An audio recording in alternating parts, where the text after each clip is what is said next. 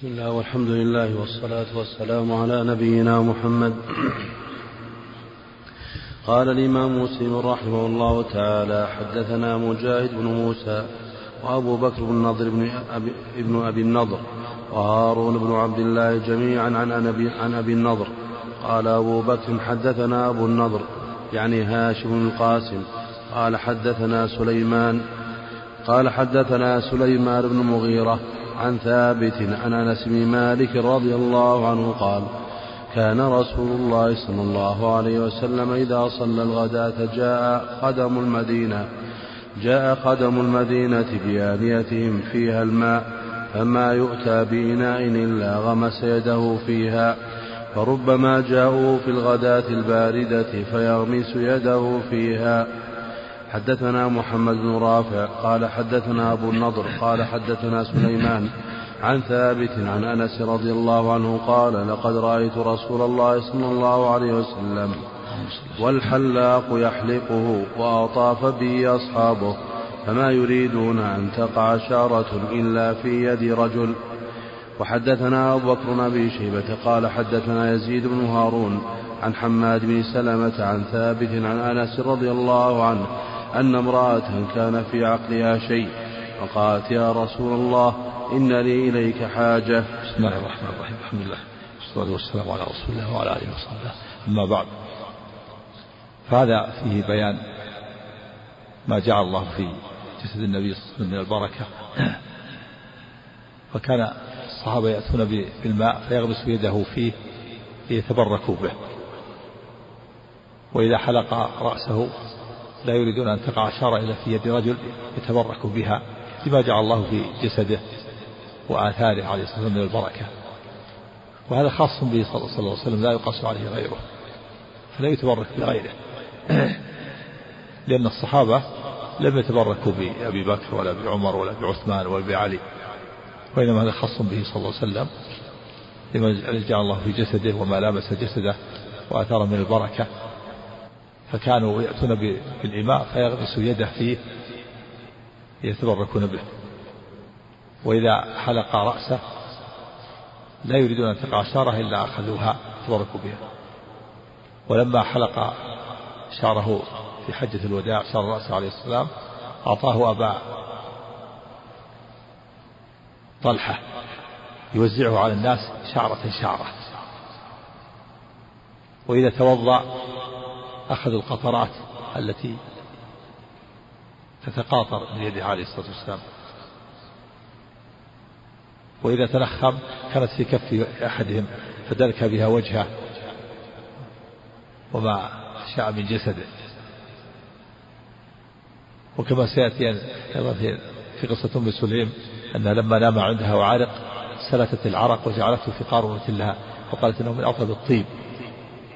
وقالت إنها إن نداوي به صبياننا قال أحسنت أو أصبت. هذا خاص به صلى الله عليه وسلم. لا يقص عليه غيره. لأن الصحابة لم يفعلوا مع غيره. ولأنه من وسائل الشرك. من وسائل الشرك. لو فعل مع غيره قد يؤدي إلى الشرك.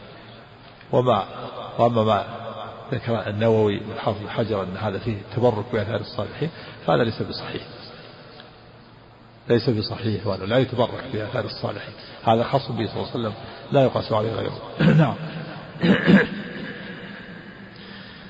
وحدثنا أبو, أبو, أبو بكر بن أبي شيبة قال حدثنا يزيد بن هارون عن حماد بن سلمة عن ثابت عن أنس رضي الله عنه أن امرأة كان في عقلها شيء فقالت يا رسول الله إن لي إليك حاجة. فقال يا أم فلان انظري أي السكك شئت حتى أقضي لك حاجتك حتى أقضي لك حاجتك. فخلا معها في بعض الطرق حتى فرغت من حاجتها. وهذا ليس فيه خلوة بالأجنبية لأنها في ممر الناس ومشاهداتهم إلا أنهم لا يسمعون كلامها هذا في الطريق في السكك الطرق لكن خلا بها عن الناس حتى لا يسمعون كلامها. وإلا فالناس يشاهدونها. وهذا فيه حسن خلقه صلى الله عليه وسلم وفيه بروزه للناس وأنه عليه وسلم بارزا للناس وليس عنده حرس ولا حجاب يحجبون عن الناس بل يقضي حوائجهم. خلى بهذه المرأة وقضى حاجتها يقضي حاجة الناس يسمع كلامهم. يتحمل أثقالهم عليه الصلاة والسلام كان يعظ الجاهل ويطعم الفقير ويقضي ويحمل الكل ويعين على نواب الحق ويبلغ دعوة الله ويأمر بالمعروف وينهى عن المنكر. فهو بارز للناس ليس محتجبا ولا محجوبا ولا ممنوعا من وصول الناس إليه. وهكذا ينبغي الولاة والأمراء والعلماء ألا يكون محجوبين عن الناس. يكونوا قريبين من الناس حتى يقضوا حوائجهم وجاء الوعيد الشديد على من احتجب من الولاة عن حاجة الناس. في الحديث أن من ولاه الله أمرا فاحتجب دونهم احتجب الله دون خلته وفقته يوم القيامة. ولما بلغ هذا الحديث معاوية رضي الله عنه جعل على حاجة الناس على حوائج الناس شخصا. ولا على حوائج شخصا. خوفوا من هذا الحديث؟ فجعل حوائج الناس عند شخص معين وكله إليه. نعم. حدثنا قتيبة بن سعيد عن مالك بن أنس فيما قرئ عليه. حاء وحدثنا يحيى بن يحيى قال قرأت على مالك عن ابن شهاب عن عروة بن الزبير عن عائشة رضي الله عنها زوج النبي زوج النبي صلى الله عليه وسلم أنها قالت ما خير رسول الله صلى الله عليه وسلم بين أمرين إلا أخذ أيسرهما ما لم يكن إثما فإن كان إثما كان أبعد الناس منه. وما انتقم رسول الله صلى الله عليه وسلم لنفسه إلا أن تنتهك حرمة الله عز وجل. نعم وهذا في في بيان ما كان عليه الصلاة والسلام من حبه لما يكون سهلا وميسرا على أمته. وما خير بين الأمرين إلا اختار أيسرهما ما لم يكن حراما أو مكروها. فإن كان حراما مكروها ابتعد عنه. كان أبعد الناس عن الحرام والمكروه. ومن انتقم رسول الله صلى الله عليه وسلم لنفسه لا يبالي بنفسه. قد يؤذيه بعض الناس ولا ينتقم لنفسه. سحره يهودي ولم ينتقم منه.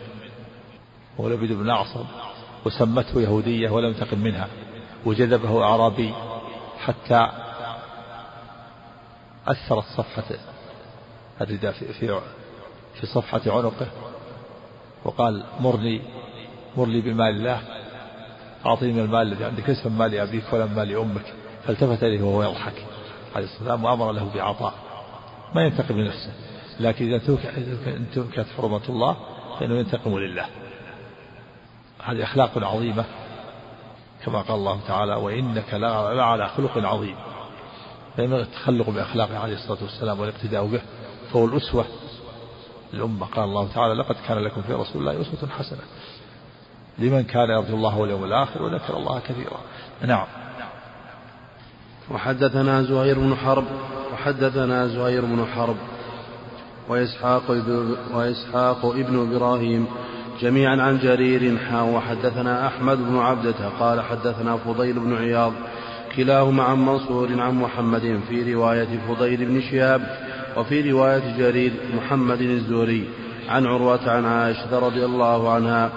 وحدثني حرملة بن يحيى قال أخبرنا ابن وهب قال أخبرني يونس عن ابن شهاب بهذا الإسناد نحو حديث مالك حدثنا أبو كريب قال حدثنا أبو أسامة عن هشام عن أبي عن عائشة رضي الله عنها قالت ما خير رسول الله صلى الله عليه وسلم بين أمرين أحدهما أيسر من الآخر إلا اختار أيسرهما ما لم يكن إثما فإن كان إثما كان أبعد الناس منه. وحدثنا وأبو كريب وابن نمير جميعا عن عبد الله بن نمير عن هشام بهذا الإسناد إلى قوله أيسرهما. ولم يذكر ما بعده. حدثنا أبو كريب قال حدثنا أبو أسامة عن هشام عن أبي عن عائشة رضي الله عنها قالت ما ضرب رسول الله صلى الله عليه وسلم شيئا قط بيده ولا امرأة ولا خادما إلا أن يجاهد في سبيل الله وما نيل منه شيء قط فينتقم من صاحبه إلا أن ينتهك شيء إلا ينتهك شيء من محارم الله. فينتقم فينتقم لله عز وجل. وهذا من حسن الخلق عليه السلام ما ضرب بيده خادما ولا امرأة ولا دابة ولا ولا انتقم لنفسه ممن نال منه حدثنا أبو كريب قال حدثنا أبو أسامة عن هشام عن أبي عن عائشة رضي الله عنها قالت ما ضرب رسول الله صلى الله عليه وسلم شيئا قط بيده ولا امرأة ولا خادما إلا أن يجاهد في سبيل الله وما نيل منه شيء قط فينتقم من صاحبه إلا أن ينتهك شيء إلا أن ينتهك شيء من محارم الله فينتقم فينتقم لله عز وجل. وهذا من حسن الخلق عليه السلام ما ضرب بيده خادما ولا امرأة ولا دابة ولا ولا انتقم لنفسه ممن نال منه أو أذاه إلا أن تنتهك حرمة الله فينتقم لله.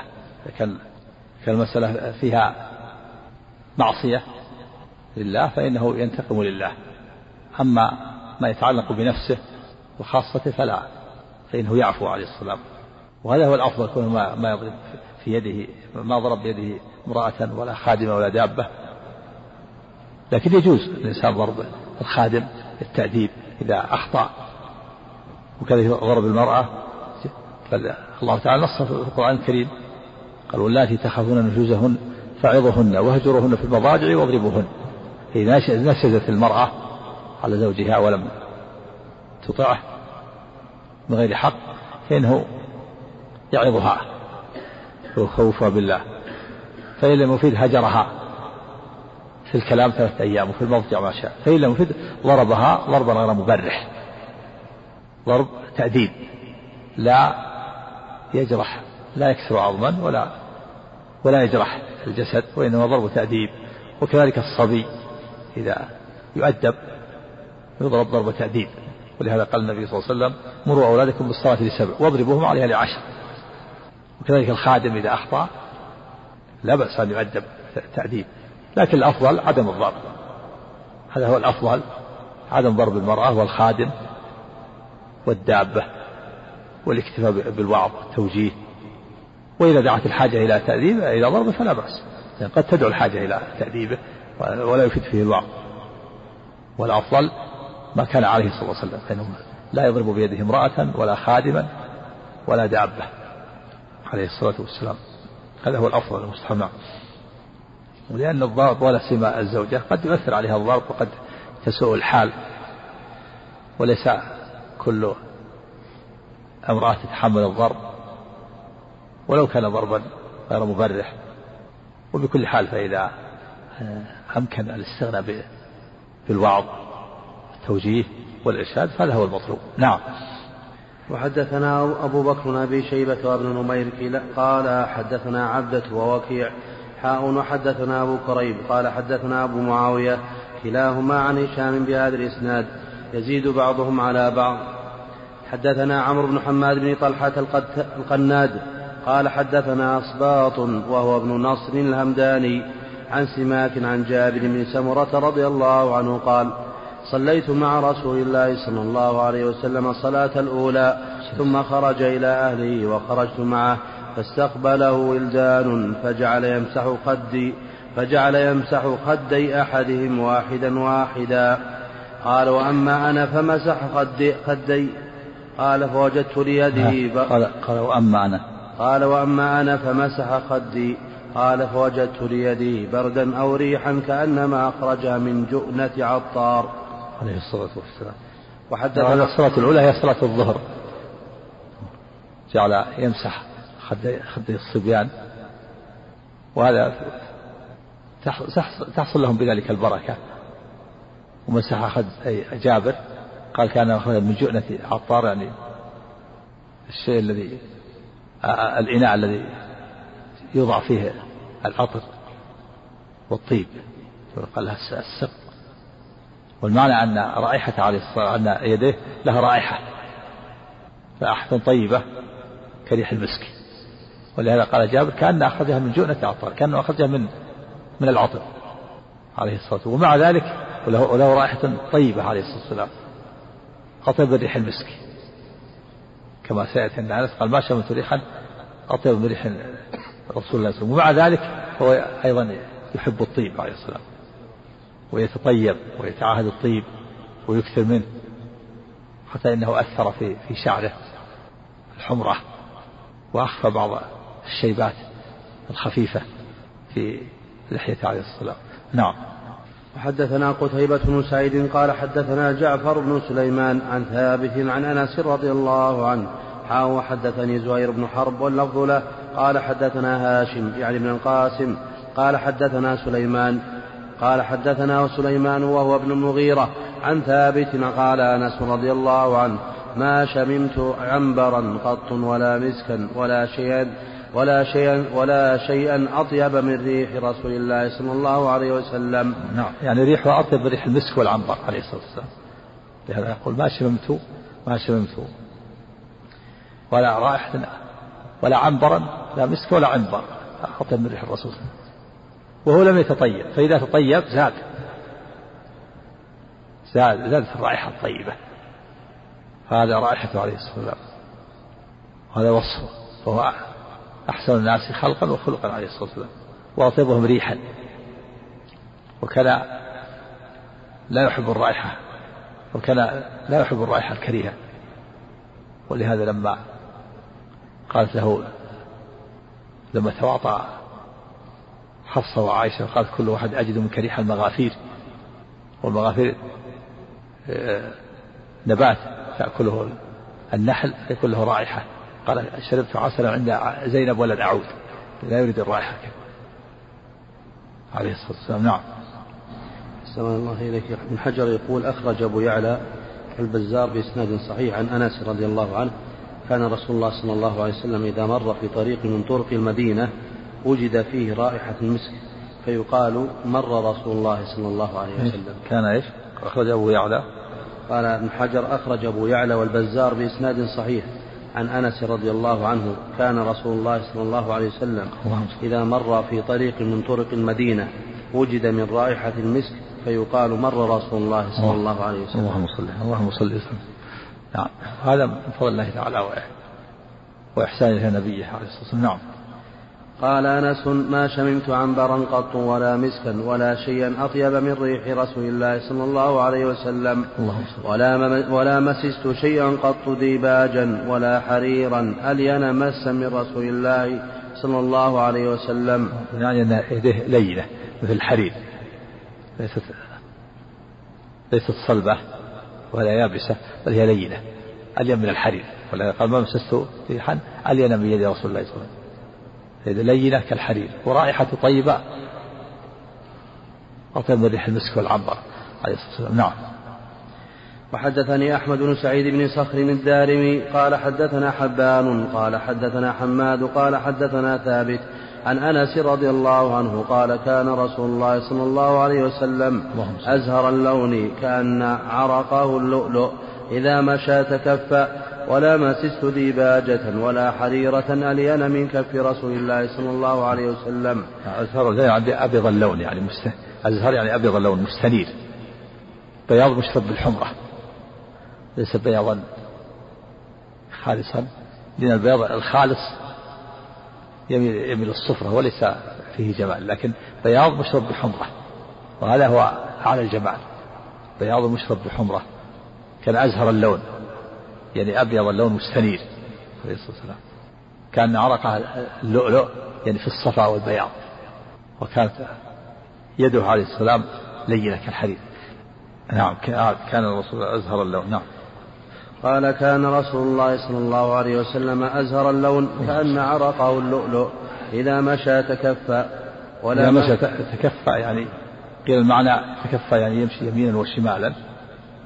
وقيل المعنى أنه يمشي جهة قصده ومشيه. يكون يميل إلى جهة قصده ومشيه. إذا كان قصده جهة اليمين يميل جهة اليمين. كان جهة الشمال جهة ويقول معنى يتكفى يمينا وشمالا. قال بعضهم أن هذا كونه يتكفى يمين وشمال. هذا هذا إنما هو وصف المختالين المتكبرين. نعم. ولا مسست ديباجة ولا حريرة. ألين من كف رسول الله صلى الله عليه وسلم. ولا الديباج الديباج نوع من الحرير. الديباج والاستبرق نوعان. أحدهما غليظ والآخر رقيق. نعم. ولا شممت مسك مسك ولا شممت مسكة ولا عنبرة. أطيب من أطيب من رائحة رسول الله صلى الله عليه وسلم. اللهم صل وسلم. حدثني زهير بن حرب قال حدثنا هاشم يعني بن القاسم عن سليمان عن ثابت عن أنس رضي الله عنه عن أنس بن مالك رضي الله عنه قال دخل علينا النبي صلى الله عليه وسلم فقال عندنا فعرق وجاءت أمي بقارورة فجعلت تسكت العرق فيها. فعرق قال عندنا يعني نام نو نام القيلولة نومة القيلولة. في الضحى أو في الظهر. نعم. قال عند عن أنس نعم. عن أنس نعم. عن أنس بن مالك رضي الله عنه قال دخل علينا النبي صلى الله عليه وسلم فقال عندنا فعرق وجاءت أمي بقارورة فجعلت تسلك العرق فيها فاستيقظ النبي صلى الله عليه وسلم فقال يا أم سليم ما هذا الذي تصنعين؟ قالت هذا عرقك نجعله في طيبنا وهو من أطيب الطيب. وحدثني محمد بن رافع قال حدثنا فأقرها عليه الصلاة والسلام ولم ينكر عليها. بل قال لها كما سيأتي أحسنت أو أصبت وهذا وأم سليم بينها وبين النبي محرمية من جهة الرضاعة في دليل على لا بأس بدخول الإنسان على إحدى محارمه والنوم عندها أو على فراشها. نعم. وحدثني محمد بن رافع قال حدثنا حجين مثنى قال حدثنا عبد العزيز وهو ابن أبي سلمة عن إسحاق بن عبد الله بن أبي طلحة عن أنس بن مالك رضي الله عنه قال كان النبي صلى الله عليه وسلم يدخل بيت أم سليم فينام على فراشها وليست فيه. قال فجاء ذات يوم فنام على فراشها. فأتيت فقيل لها فأتيت. فأتيت. نعم. فأتيت فقيل لها هذا النبي صلى الله عليه وسلم نام في بيتك على فراشك. قالت فجاءت وقد عرق واستنقع عرقه واستنقع عرقه على قطعة أديم أديم على الفراش ففتحت عتيدتها.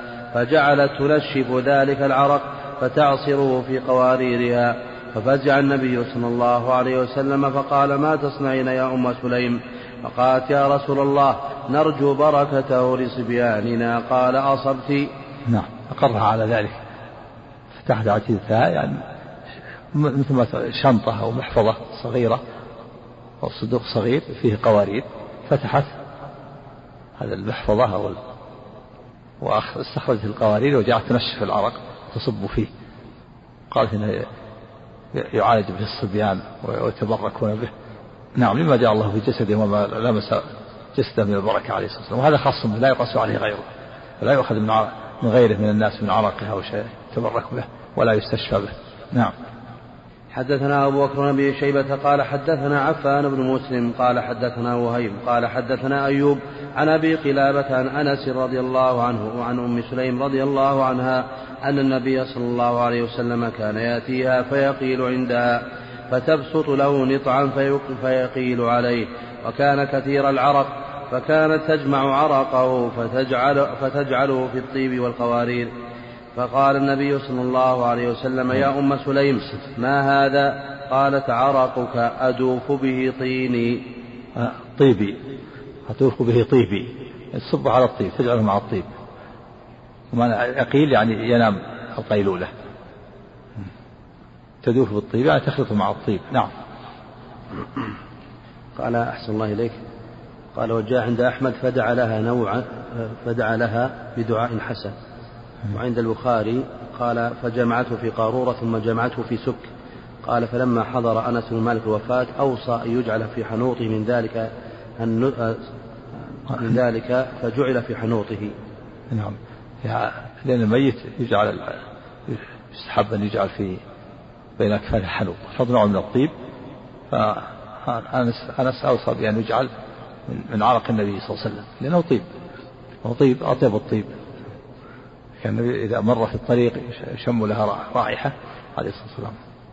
يقال مر من هذا الطريق. نعم حدثنا أبو كريب محمد بن علاء قال حدثنا أبو أسامة عن هشام عن أبي عن عائشة رضي الله عنها قالت إن كان لينزل على رسول الله صلى الله عليه وسلم في الغداة الباردة ثم تفيض جبهته عرقا تفيض. ثم تفيض نعم. ثم تفيض جبهته عرقا وحدثنا أبو بكر بن أبي شيبة قال حدثنا سفيان يعني, يعني الوحي يعني الوحي. كان ينزل عليه الوحي فتفيض جبهته عرقا من شدة الوحي عليه وثقله. كان ينزل عليه الوحي عليه الصلاة والسلام في اليوم الشديد في البرد فيتفصد جبينه عرقا من شدة الوحي وثقله عليه وأحيانا يكون خفيف. فنزل عليه الوحي مرة وفخذوا على فخذ زيد فكانت ترض أن ترض فخذ زيد من ثقله. ونزل عليه الوحي مرة وهو على ناقته فبركت وأحيانا ينزل عليه الوحي يكون خفيف. ينزل عليه الوحي وهو يتعرق العرق. هو العظم الذي فيه شيء من اللحم. كما في نزل كما في الحديث السابق أن أن عمر رضي الله عنه قال لزينب قد عرفناك لسودة قد عرفناك يا سودة. آه، رغبة في أن أن ينزل الحجاب. فانكفعت النبي صلى الله عليه وسلم قالت يا رسول الله عمر قال كذا وكذا وقد خرجت الحديث في الليل وكان يتعرض العار ثم نزل عليه الوحي فقال إنه قد أذن لكن في قضاء حوائجكم عليه الصلاة والسلام. هذا يدل على أحيانا يكون خفيف ينزل عليه ويتعرق العرق واحيانا يكون شديد كما نعم. وحدثنا أبو بكر بن أبي شيبة قال حدثنا سفيان بن عينة حاء وحدثنا أبو كريب قال حدثنا أبو أسامة وابن بشر جميعا عن هشام حاء وحدثنا محمد بن عبد الله بن نمير واللفظ له. قال حدثنا محمد بن بشر قال حدثنا هشام عن أبيه عن عائشة رضي الله عنها أن الحارث بن هشام رضي الله عنه سأل النبي صلى الله عليه وسلم كيف يأتيك الوحي؟ فقال أحيانا يأتيني في مثل صلصلة الجرس وهو أشد علي ثم يفصم عني وقد وعيته. وأحيانا ملك في مثل صورة الرجل فأعي ما يقول. نعم وهذا نوعان من الوحي. حين يأتي مثل صلصلة الجرس. يكون هذا حتى حتى يتفرغ ويستعد لما ينزل لما ينزل عليه. فإذا جاء مثل صلصة الجرس مستعد ومتهيئ. ولم يكن هناك شيء آخر ينتبه له أو يفكر فيه. وعلى هذه الصلصلة يأتي الوحي. وأحيانا يأتيه يتمثل له رجلا فيكلمه. يأتي في صورة رجل جبريل ويكلمه. كما جاء في في حديث عمر أنه جاء في صورة رجل شديد بياض الثواب شديد سواد الشعر وسأله عن الإسلام والإيمان والإحسان. فهذا نوعان من الوحي. أحيانا يأتي مثل صوت الجرس وأحيانا يأتيه يتمثل له رجل ويكلمه وهناك نوع ثالث أيضا من الوحي وأنه وهو أن الملك ينفث في روعه في قلبه الوحي. كما في الحديث إن روح القدس نفث في روعي يعني في قلبي أنه لن تموت نفس حتى تستكمل رزقها وأجلها. وهناك نوع رابع من الوحي وهو الرؤيا الرؤيا الصادقة. فإن رؤيا الأنبياء وحي.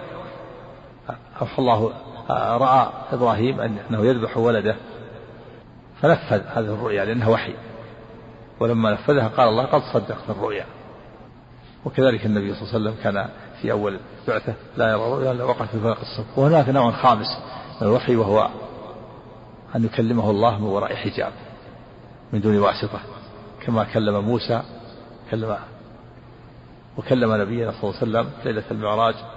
من دون واسطة كما قال الله تعالى وما كان لبشر أن يكلمه الله إلا وحيا أو من وراء حجاب أو يرسل رسولا فيوحي بإذنه ما يشاء.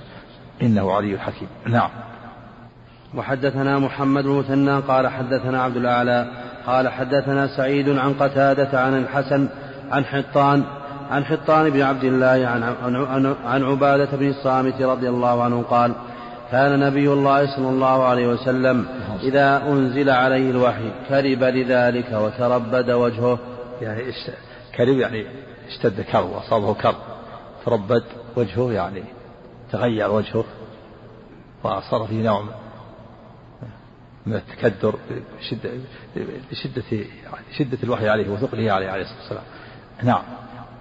وحدثنا محمد بن بشار قال حدثنا معاذ بن هشام قال حدثنا أبي عن قتادة عن الحسن عن حطان بن عبد الله الرقاشي عن عبادة بن الصامت رضي الله عنه قال كان النبي صلى الله عليه وسلم إذا أنزل عليه الوحي نكس رأسه ونكس أصحابه رؤوسهم فلما فلما أتلي عنه رفع رأسه. فلما, فلما أتلي. أتلي؟ نعم. يعني كشف عنه. كان إيش؟ كان كان النبي صلى الله عليه وسلم إذا أنزل عليه الوحي نكس رأسه ونكس أصحابه رؤوسهم فلما أتلي عنه رفع رأسه. يعني نكس رأسه يعني خفض رأسه وجعل ينظر إلى الأرض فإذا أتلي فإذا انجلى عنه أتلي عنه انجلى. انجلى الوحي وارتفع رفع رأسه. إيش كان يقول نكس رأسه. وجه وجه. أتلي نكس يعني خفض رأسه أتلي انجلى كذا؟ نعم. أتلي عنه. نعم. أتلي هكذا وفي معظم نسخ بلادنا أتلي بهمزة ومثناة فوق ساكنة ولام وياء ومعناه ارتفع عنه وحي. إيه. هكذا فسره صاحب التحرير وغيره. نكس تكلم. خفض تكلم عن نكس خفض نعم. نعم. حدثنا منصور بن أبي مزاحم ومحمد بن جعفر بن زياد قال منصور حدثنا وقال ابن جعفر أخبرنا إبراهيم يعني آل بن سعد عن ابن شهاب عن عبيد الله بن عبد الله عن ابن عباس رضي الله عنهما قال كان أهل الكتاب يسدلون أشعارهم وكان المشركون يفرقون رؤوسهم وكان رسول الله صلى الله عليه وسلم يحب موافقة أهل الكتاب فيما لم يؤمر به فسدل رسول الله فسدل رسول الله صلى الله عليه وسلم ناصيته ثم فرق بعد. وحدثني أبو الطاهر قال أخبرنا ابن وهب قال أخبرني يونس عن ابن شهاب بهذا الإسناد نحوه. نعم. سدل الشعر هو ترك الشعر ينزل على على الناصية على على الجبين. ينزل يترك الشعر ينزل على على الجبين وعلى الجبهة هذا السدل. والفرق هو أن يفرق الشعر على الجانبين من وسط الرأس يفرق من وسط الرأس ويفرق الشعر من الجانبين. وكان الناس كانت العرب لا يحلقون رؤوسهم وكان النبي كذلك يتركون الشعر. ما مثل مثل الآن يحلقون الشعر شعر الرأس يترك شعر الرأس حتى يطول كما سيأتي فإذا وصل إلى الكتف أو إلى الأذن يقصونه. فكان المشركون لهم طريقة في الشعر وأهل الكتاب لهم طريقة. فالمشركون يستلون الشعر ما يفرقونه يتركون ينزل على الجبين. وكان أهل الكتاب يفرقون يعني يفرق الشعر من الجانبين في الوسط. وكان النبي يحب موافقة أهل الكتاب فيما لم فيما لم ينهى عنه أو لم يؤمر به. فكان النبي يفرق كان يسأل ثم فرق عليه الصلاة والسلام بعد ذلك. أعد. كان كان كان كان أهل الكتاب. كان رسول الله صلى الله عليه وسلم. كان كان مشركون. عن ابن عباس رضي الله عنهما قال كان أهل الكتاب يسلون أشعارهم وكان المشركون يفرقون رؤوسهم. بالعكس. كان إيش؟ كان كان المشركون كان أهل الكتاب يسجلون أشعارهم وكان المشركون يفرقون رؤوسهم. يعني بالعكس. كان المشركون يفرقون وكان أهل الكتاب يسجلون. عكس ما ما ذكرنا. فكان النبي صلى الله عليه وسلم يحب موافقة أهل الكتاب. فسدل موافقة لهم ثم فرق. فالسدل كونه ينزل يترك الشعر ينزل على الجبهة هذا سدل. والفرق أن يفرق نصفين مع منتصف الرأس يفرق على اليمين على الجانبين. نعم. نعم السنة الفرق أفضل الفرق يعني فعل المشركين. فالفرق هو ولذلك فرق النبي صلى الله عليه وسلم بعد ذلك. نعم استقر على الفرق السنة يفرق الشعر على اليمين وعلى اليسار نعم. تعليفا لهم يعني في أول الأمر ثم بعد ذلك صار يخالفهم. لما عز الله الإسلام نعم. ولذا قال قال عليه الصلاة بعد ذلك إن أهل الكتاب آه، إن اليهود والنصارى لا لا يصبغون فخالفوهم. إن اليهود لا يصلون في عالهم فصلوا في نعالكم. بعد ذلك صار صار يخالفهم. ولما قدم المدينة وجدهم يصومون اليوم العاشر من شهر المحرم فقال نحن أحق المسلمين فقال صوموا اليوم العاشر وصوموا من قبله ويوم بعده خالفوا اليهود. بعد ذلك صار يخالفهم. ولعل هذا في أول الهجرة كان يحب موافقتهم تأليفا لهم. ثم بعد ذلك لما قوي المسلمون صار يحب مخالفتهم ويأمر بمخالفتهم. نعم. نعم نعم الفرق السنة ها؟ نعم سنة. إذا كان قصد اتباع النبي صلى الله عليه وسلم قال الإمام أحمد هو سنة. لو نقوى عليه لاتخذناه لكن له كلفة ومشقة. يعني يحتاج الشعر إلى دهن وغسل وكد. والحلق مباح. قد يقول بعضهم بالكراهة يعني كراهة الحلق حلق الرأس. والأقرب أنه أنه مباح. وكان النبي صلى الله عليه وسلم لا يحلق رأسه إلا في حج أو عمرة. إذا حلق إذا إذا اعتمر أو حج حلق الشعر نسك حلق نسك. وإلا فإنه يوفره كما سيأتي في الحديث يكون شعره جمة أو أو لمة أو وفرة كما سيأتي. نعم. وحدثني أبو الطاهر أخبرنا ابن وهب قال أخبرني يونس عن ابن شهاب بهذا الإسناد نحوه. حدثنا محمد مثنى ومحمد بن بشار قال حدثنا محمد بن جعفر قال حدثنا شعبة قال سمعت أبا إسحاق قال سمعت البراء رضي الله عنه يقول كان رسول الله صلى الله عليه وسلم رجلا مربوعا. رجلا. كان رسول الله صلى الله عليه وسلم رجلا مربوعا بعيد ما بين المنكبين. عظيم الجمة إلى شحمة أذنيه نعم. عليه حلة حمراء. ما رأيت شيئا قط أحسن منه. صلى الله عليه وسلم. نعم. رجلا يعني شعره بين السبوطة و والاسترسال. يعني شعره رجل. يعني ليس مسترسلا ولا سبطا ولا جعدا بين الجعودة والسبوطة. فالجعد هو المتجعد والسبط المسترسل. فكان شعره بينهما بين هذا وبين هذا رجلا بين الجعودة والسبوطة. السبط الجعل المتجعد والسبط المسترسل. نعم. ليس مسترسلا يعني بحيث أنه يكد فيسترسل طويلا وليس متجعدا منكمش. الجعد المنكمش والمسترسل المكتود الذي يسترسل ويطول بسبب الكد بل بينهما. رجل بين الجعودة والسبوط نعم. كان رسول الله صلى الله عليه وسلم رجلا نعم. رجلا مربوعا بعيد ما بين بعيد ما بين المنكبين. نعم المربوع هو متوسط في الطول والقصر ليس قصيرا ولا طويلا. ليس بالقصير الذي آه الذي آه تزدريه العين بسبب قصره ولا بالطويل البائن المفرط بل بينهما بل بينهما متوسط متوسط القامة ليس بالطويل ولا بالقصير عليه الصلاة والسلام هذا مربوع بعيد ما بين المنكبين عليه الصلاة والسلام هذا وصفه ما بين الكتفين نعم. عظيم الجمة إلى شحمة أذنيه عليه حلة حمراء. عظيم الجمة الجمة الشعر الذي يصل إلى يضرب إلى الكتف يقال له جمة. واللمة هو الشعر الذي يلم إلى المنكبين يعني قريب من المنكبين. والوفرة هو الشعر الذي يصل إلى شحمة الأذن الأذنين.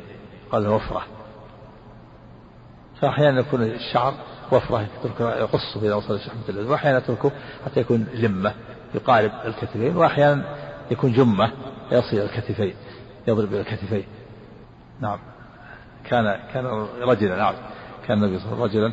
كان رسول الله صلى الله عليه وسلم رجلا مربوعا بعيد ما بين ما بين منكبين. عظيم الجمة إلى شحمة أذنيه عليه حلة حمراء.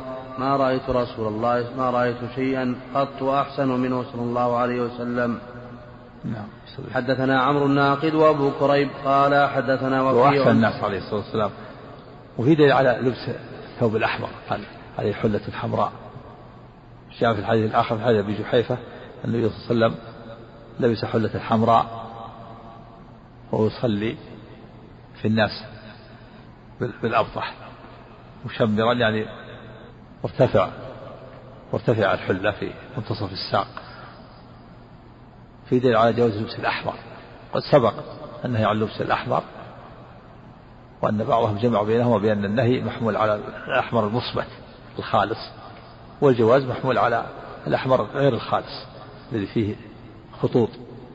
النبي لبس حلة حمراء لكن ليست مصمتة بل فيها خطوط. نعم.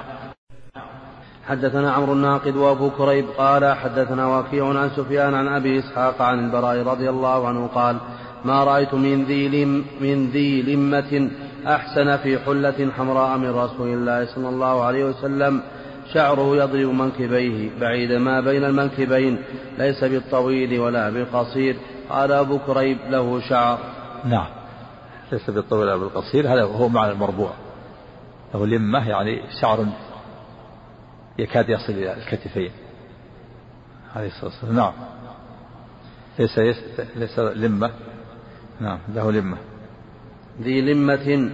نعم. ما رأيت من ذي لمة أحسن في حلة حمراء. من رسول الله صلى الله عليه وسلم. نعم والحلة حلة هو الثوب المكون من قطعتين. قال له حلة قطعة أعلى وقطعة أسفل. نعم. شعره يضرب منكبيه بعيد ما بين المنكبين ليس بالطويل ولا بالقصير. قال أبو كريب له شعر. نعم. وهذا هو معنى المربوع ليس بالطويل أو بالقصير. نعم. مربوع الخلقة نعم. حدثنا أبو كريب محمد بن علاء قال حدثنا إسحاق بن منصور عن إبراهيم بن يوسف عن أبي عن أبي إسحاق قال سمعت البراء سمعت البراء سمعت البراء رضي الله عنه يقول كان رسول الله صلى الله عليه وسلم أحسن الناس وجها وأحسنهم خلقا خلقا وأحسنهم خلقا. نعم. ليس بالطويل الذاهب ولا بالقصير. نعم. كان أحسن الناس وجها وأحسنهم خلقا. المراد بالخلق. وأحسنهم خلقا أيضا. الخلق يعني الصورة. و والشكل والهيئة والخلق المعاني والصفات. فكان النبي أحسن الناس خلقا وخلقا عليه الصلاة والسلام. كما قال الله تعالى وإنك لعلى خلق عظيم. لكن المراد هنا الخلق. أحسن الناس وجها يعني جميل الوجه. وأحسنهم خلقا خلقة. وكان ليس متوسط ليس بالطويل البائن ولا بالقصير. بالقصير الذاهب الذي يعني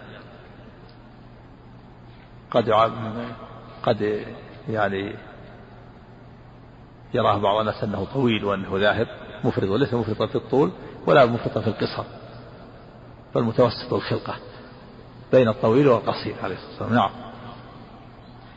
حدثنا شيبان بن فروخ قال حدثنا جرير بن حازم قال حدثنا قتادة قال قلت لأنس بن مالك رضي الله عنه كيف كان شعر رسول الله صلى الله عليه وسلم؟ قال كان شعرا رجلا ليس بالجعد ولا السبط بين أذنيه وعاتقه. نعم.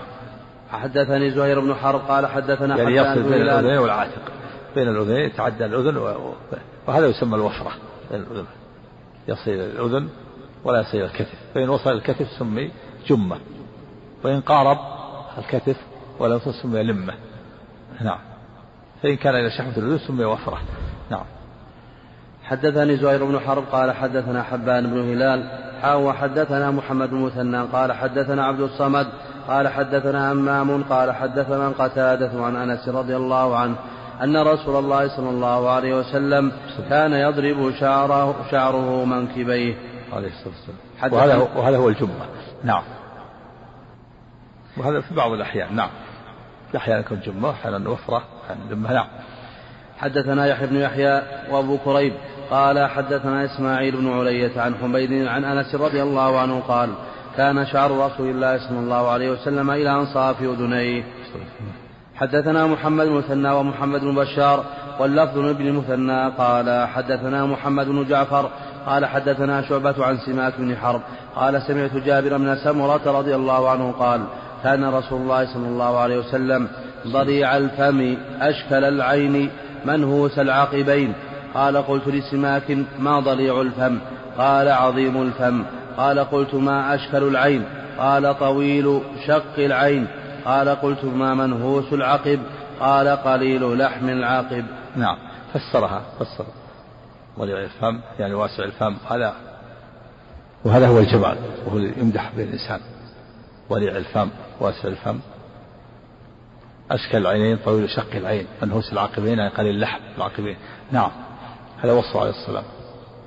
ولهذا من رأى النبي صلى الله عليه وسلم في المنام فلا بد أن يراه على الصورة التي خلق عليها حتى تكون الرؤيا حق. أما إذا رآه مخالفا لما ورد في الأحاديث فلا فلا يكون رآه الشيطان لا يتمثل بالنبي صلى الله عليه وسلم إذا رآه على الصورة الحقيقية. إذا رآه مربوع شعره رجل بين جعده والسبوطة. رآه كث اللحية أبيض مشربا بالحمرة ضليع الفم بعيد ما بين الكبين هذا وصف. أما إذا رأى على غير هذا الوصف رآه مثلا كأن يراه قصير أو رآه طويل أو يراه أسود أسمر أو يراه ليس له لحية أو يراه نحيف. بالمرة مخالف فهذا لا يكون لا يكون وصف عليه الصلاة بعض الناس يقول إنه رأى النبي صلى الله عليه وسلم لكن فإذا سألتك ان رايته أسود. هذا ما هو ليس هذا وصف الرسول عليه الصلاة ليس هذا وصفه نعم. حدثنا سعيد بن منصور. نعم قال بعضهم لكن فسره هنا راوي فسره بانه طويل شق العينين نعم. حدثنا سعيد بن منصور قال حدثنا خالد بن عبد الله عن الجريري عن أبي الطفيل رضي الله عنه قال قلت له أرأيت رسول الله صلى الله عليه وسلم؟ قال نعم. كان أبيض مليح الوجه.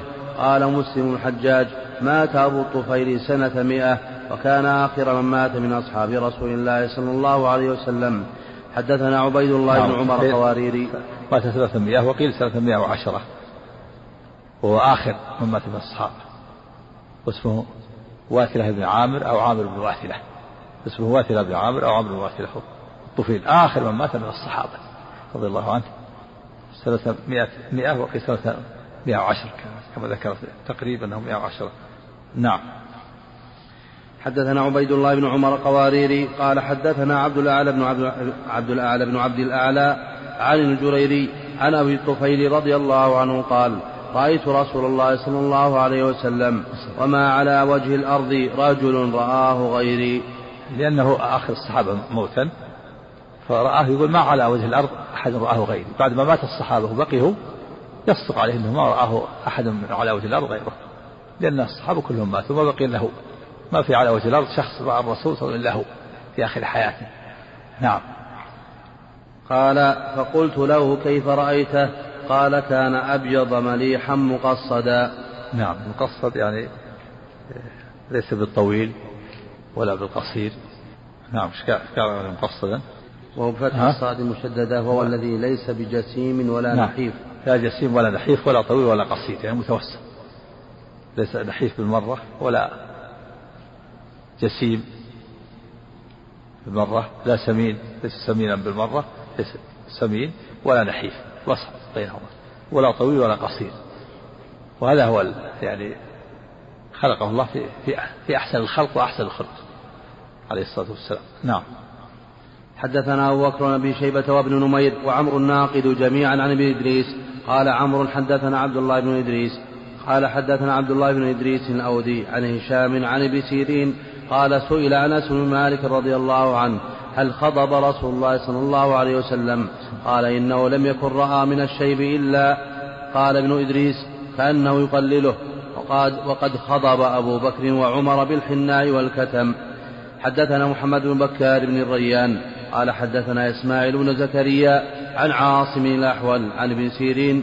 قال سألت أنس بن مالك رضي الله عنه هل كان رسول الله صلى الله عليه وسلم خضب؟ فقال لم يبلغ الخضاب. كان في لحيته شعرات بيض. قال قلت له أكان أبو بكر يخضب؟ قال فقال نعم. بالحناء والكتم. نعم الحناء أحمر والكتم أسود يخلط بينهما. فإذا خلط بينهما صار يضرب إلى الحمرة وهذا هو الأفضل. وإذا خضب بالحناء أحمر فقط أو بالصفرة فقط فلا بأس. يخضب بالحناء الأحمر كامل خالص أو بالصفرة الخالصة أو بالحنة والكتم فيضرب إلى الحمرة يكون بين السواد وبين الحمرة. هذا اللي خضب أبو بكر خضب عمر وأما النبي صلى الله عليه وسلم فإن شيباته قليلة شعرات ولهذا ما خضب؟ جاء في حديث أم سلمة أنه خضب وأن أخذت لهم شعرات شعر أحمر قال هذا من خضاب النبي صلى الله عليه وسلم. يحتمل أنه خضب وقال بعضهم إنه إنه لم يخضب ولكن كان يكثر من الطيب. فإذا أكثر من الطيب ودهن شعره انقلب إلى حمرة فكأنه خضب. وشعرات قيل إنه ليس في رأسه ولحيته إلا ما يقارب عشرين شيبة. عليه الصلاة والسلام. نعم. مثل ما سبق يخلط بينهما. نصفين يعني تقريبا. نعم. يضرب بالحمرة نعم. تقريبا يعني. إيه، نعم. هذا هذا الأصل. هذا أصل الخلط. نعم. نعم. وحدثني حجاج بن الشاعر قال حدثنا معل بن أسد قال حدثنا وهيب بن خالد عن أيوب عن محمد بن سيرين قال سألت أنس بن مالك رضي الله عنه أخضب رسول الله صلى الله عليه وسلم؟ قال إنه لم ير من الشيب إلا قليلا. حدثني أبو الربيع العتكي قال حدثنا حماد قال حدثنا ثابت قال سئل أنس بن مالك رضي الله عنه عن خضاب النبي صلى الله عليه وسلم فقال لو شئت أن أعد شمطات كن في رأسه فعلت وقال لم يختضب. وقد اختضب أبو بكر بالحناء والكتم. نعم إذا شعرات قليلة. ما يقارب عشرين شيبة في رأسه ولحيته. عشرين شعرة نعم. حدثنا أبو بكر وأبي شيبة وابن نمير وعمر الناقد جميعا عن ابن, عن ابن إدريس. قال عمرو حدثنا عبد الله بن إدريس الأودي عن هشام عن ابن سيرين. قال سئل أنس بن مالك رضي الله عنه هل خضب رسول الله صلى الله عليه وسلم؟ قال إنه لم يكن رأى من الشيب إلا قال ابن إدريس كأنه يقلله. وقد كأنه إعادة نعم. نعم. نعم. وقال ولم يختضب وقد اختضب أبو بكر بالحناء والكتم نعم. ماشي. ها؟ ها؟ إيش؟ في سقف كأنها ها؟ أي صفحة كان عندي سقف أحسن الله نعم. النسخة الثانية نعم. قال ولم يختضب رسول الله صلى الله عليه وسلم إنما واقتضب عمر بالحناء بحثا. حدثنا نصر بن علي الجرمي. عمر بالحناء الخالد بحث هذه خالص ليس فيه كتم نعم. حدثنا نصر بن علي الجرمي قال حدثنا أبي قال حدثنا مثنى بن سعيد عن قتادة عن أنس بن مالك رضي الله عنه قال يكره أن ينتف الرجل الشعرة البيضاء من رأسه ولحيته قال ولم يقتضب رسول الله صلى الله عليه وسلم إنما كان البياض في عنفقتي وفي الصدغين وفي نعم. الرأس نبذ نبذ. نبذ. نبذ, نبذ أو نبذ. يقال نبذ ويقال نبذ. يعني شعرات قليلة. العنفقة الشعر الذي ينبت على الشفة السفلى. هذه قال العنفقة.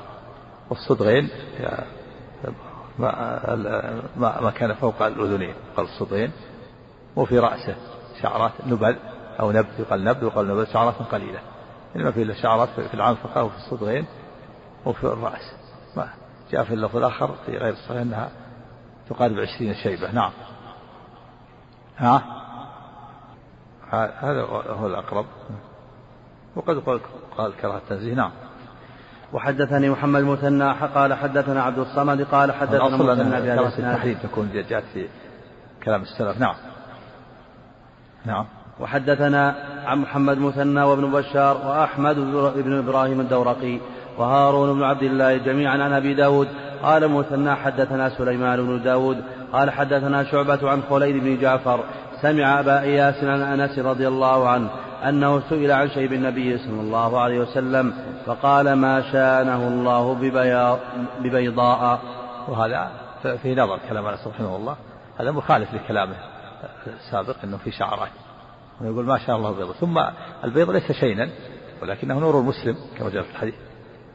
هذه الرواية عن أنس يعني فيها أول أولا أنه مخالفة لما سبق أنه في شعرات في صدغة وعنفقته و وشعرات في رأسه. فكيف يقول ما شاء الله بيضاء وفي الحديث السابق يقول أن في شعرات في عنفقته. وثانيا تسميته الشعر شين هذا فيه نظر. هذه الرواية فيها ليست معتمدة العمدة على الرواية السابقة. أنه فيه شعرات في عنفقته وصدغه صدغيه ورأسه والشيب ليس شيئا. ليس شيئا وليس عيبا ولكنه نور مسلم. نعم. حدثنا أحمد بن يوسف حدثنا أحمد أحمد بن يونس قال حدثنا زهير قال حدثنا أبو إسحاق حاء وحدثنا يحيى بن يحيى قال أخبرنا أبو خيثمة عن أبي إسحاق عن أبي جحيفة قال رأيت رسول الله صلى الله عليه وسلم. هذه منه بيضاء ووضع زهير بعض بعض أصابعه على أنفقته. نعم هذا يخالف الحديث السابق. ما شاء الله بالبيضاء. هناك رأيته على صدغه بيضاء. يعني شعرة شعرة بيضاء. هذا كيف يقول ما شاء الله بيضاء ثم يقول رأيته فيه هذا عن أنس هذا لا. سم عن أنس؟ ابن جحيفة. عن ابن جحيفة نعم. وحديث سبق عن أنس الحديث السابق أنه في عن فقته وصدغيه ورأسه شعره نعم. عن أبي جحيفة. عن أبي جحيفة رضي الله عنه قال رأيت رسول الله صلى الله عليه وسلم هذه منه بيضاء ووضع زهير بعض أصابعه على عنفقته قيل له مثل من أنت يومئذ؟ قال أبري النبل وأريشها. نعم يريش النبل. يعني يجعل للنبل ريشا. نعم. حدثنا واصل بن عبد يعني الله انه انه رجل يفهم ويعمل. شاب نعم. حدثنا واصل بن عبد الأعلى قال حدثنا محمد بن فضيل عن إسماعيل بن أبي خالد عن أبي جحيفة رضي الله عنه قال رأيت رسول الله صلى الله عليه وسلم أبيض قد شاب كان الحسن ابن علي يشبهه. نعم. قال أبيض قد شاب. هذا ينافي الحديث. انس السابق.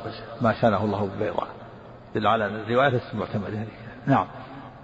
وحدثنا وحدثنا سعيد بن منصور قال حدثنا سفيان وخالد بن عبد الله حاء وحدثنا ابن نمير قال حدثنا محمد بن بشر كلهم عن إسماعيل عن أبي جحيفة بهذا ولم يقولوا أبيض قد شاب. وحدثنا محمد مثنى قال حدثنا أبو داود سليمان سليمان بن داود قال حدثنا شعبة عن سماك بن حرب قال سمعت جابر بن سمرة رضي الله عنه سئل عن شيب النبي صلى الله عليه وسلم فقال كان إذا دهن رأسه لم ير منه شيء وإذا لم يدهن رؤي منه. كان نعم. إذا لم يدهن لم يرى شيء. يغطي الدهن والطيب يغطي الشيب فيكون أحمر. نعم. وإذا تأخر عن دهنه بانت الشيبات نعم. مثل الصبغ يعني. نعم. وحدثنا أبو بكر بن أبي شيبة قال حدثنا عبيد الله عن إسرائيل عن سماك أنه سمع عن جابر بن سمرة رضي الله عنه يقول كان رسول الله صلى الله عليه وسلم قد شمط مقدم رأسه ولحيته وكان إذا ادهن لم يتبين وإذا شعث رأسه تبين. إذا تأخر عن الدهن تبين الشيء وإذا تعاهد زال هذا كله خالد الحديث السابق ما شانه الله بالبيضاء. نعم.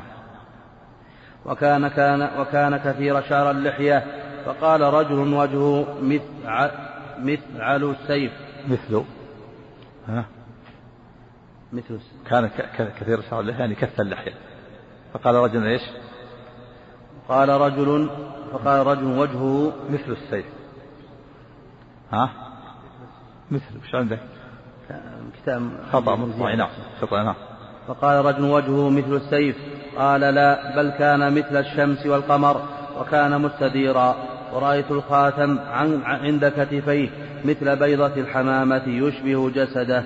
يعني سأل السائل قال هل وجهه مستدير مثل الشمس والقمر أو مستطيل مثل السيف؟ فقال لا مستدير مثل الشمس والقمر. يعني وجهه مستدير وليس مستطيلا. مستطيل مثل السيف والمستدير مثل الشمس والقمر. فسأل جابر قال هل هل وجه النبي صلى الله عليه وسلم مستدير كالشمس والقمر أو مستطيل كالسيف؟ فقال لا بل مستدير كالشمس والقمر. فيدل على على أن وجه النبي مستدير ومستدير أجمل من المستطيل. وكان خاتم النبوة مثل زر الحجلة مثل بيضة الحمامة في في ظهره. يشبه جسده يعني مثل جسد مثل لونه لون خاتم النبوة مثل لون الجسد. إذا كان لون الجسد أبيض يكون الخاتم خاتم النبوة مثله. ولما أرادت بعض الصبيات أن تلعب بخاتم النبوة وأراد بعضهم منعها تركها النبي صلى الله عليه وسلم. قطعة لحم في فوق ظهره مثل زر الحجلة. زر الحجلة الخيمة زرير الخيمة الرواقات فيها زريرة هكذا مثل زر الحاجز يقال تربط فيها هذا زر الحجلة. وهي مثل البيضة مثل بيضة الحمامة. مثل زر زر الحجلة مثل بيضة الحمامة قطعة لحم فوق ظهره. أعد كان وكان وكانت مثل الجسد يعني لونها مثل لون الجسد. خاتم النبوة لونه مثل لون الجسد. فإذا كان الجسد أبيض كان بيضاء وكان إيش؟ قال وكان كثير وكان كثير شعر اللحية. نعم. فقال رجل وجهه مثل السيف. نعم. قال لا بل كان مثل الشمس والقمر. وكان مستديرا. ورأيت, ورأيت الخاتم عند كتفيه عند كتفه مثل بيضة الحمامة يشبه جسده. نعم يشبه جسده في, في اللون نعم. حدثنا محمد بن ثناء قال حدثنا محمد بن جعفر. بارك الله سم. سم. سم. سم. الله نعم.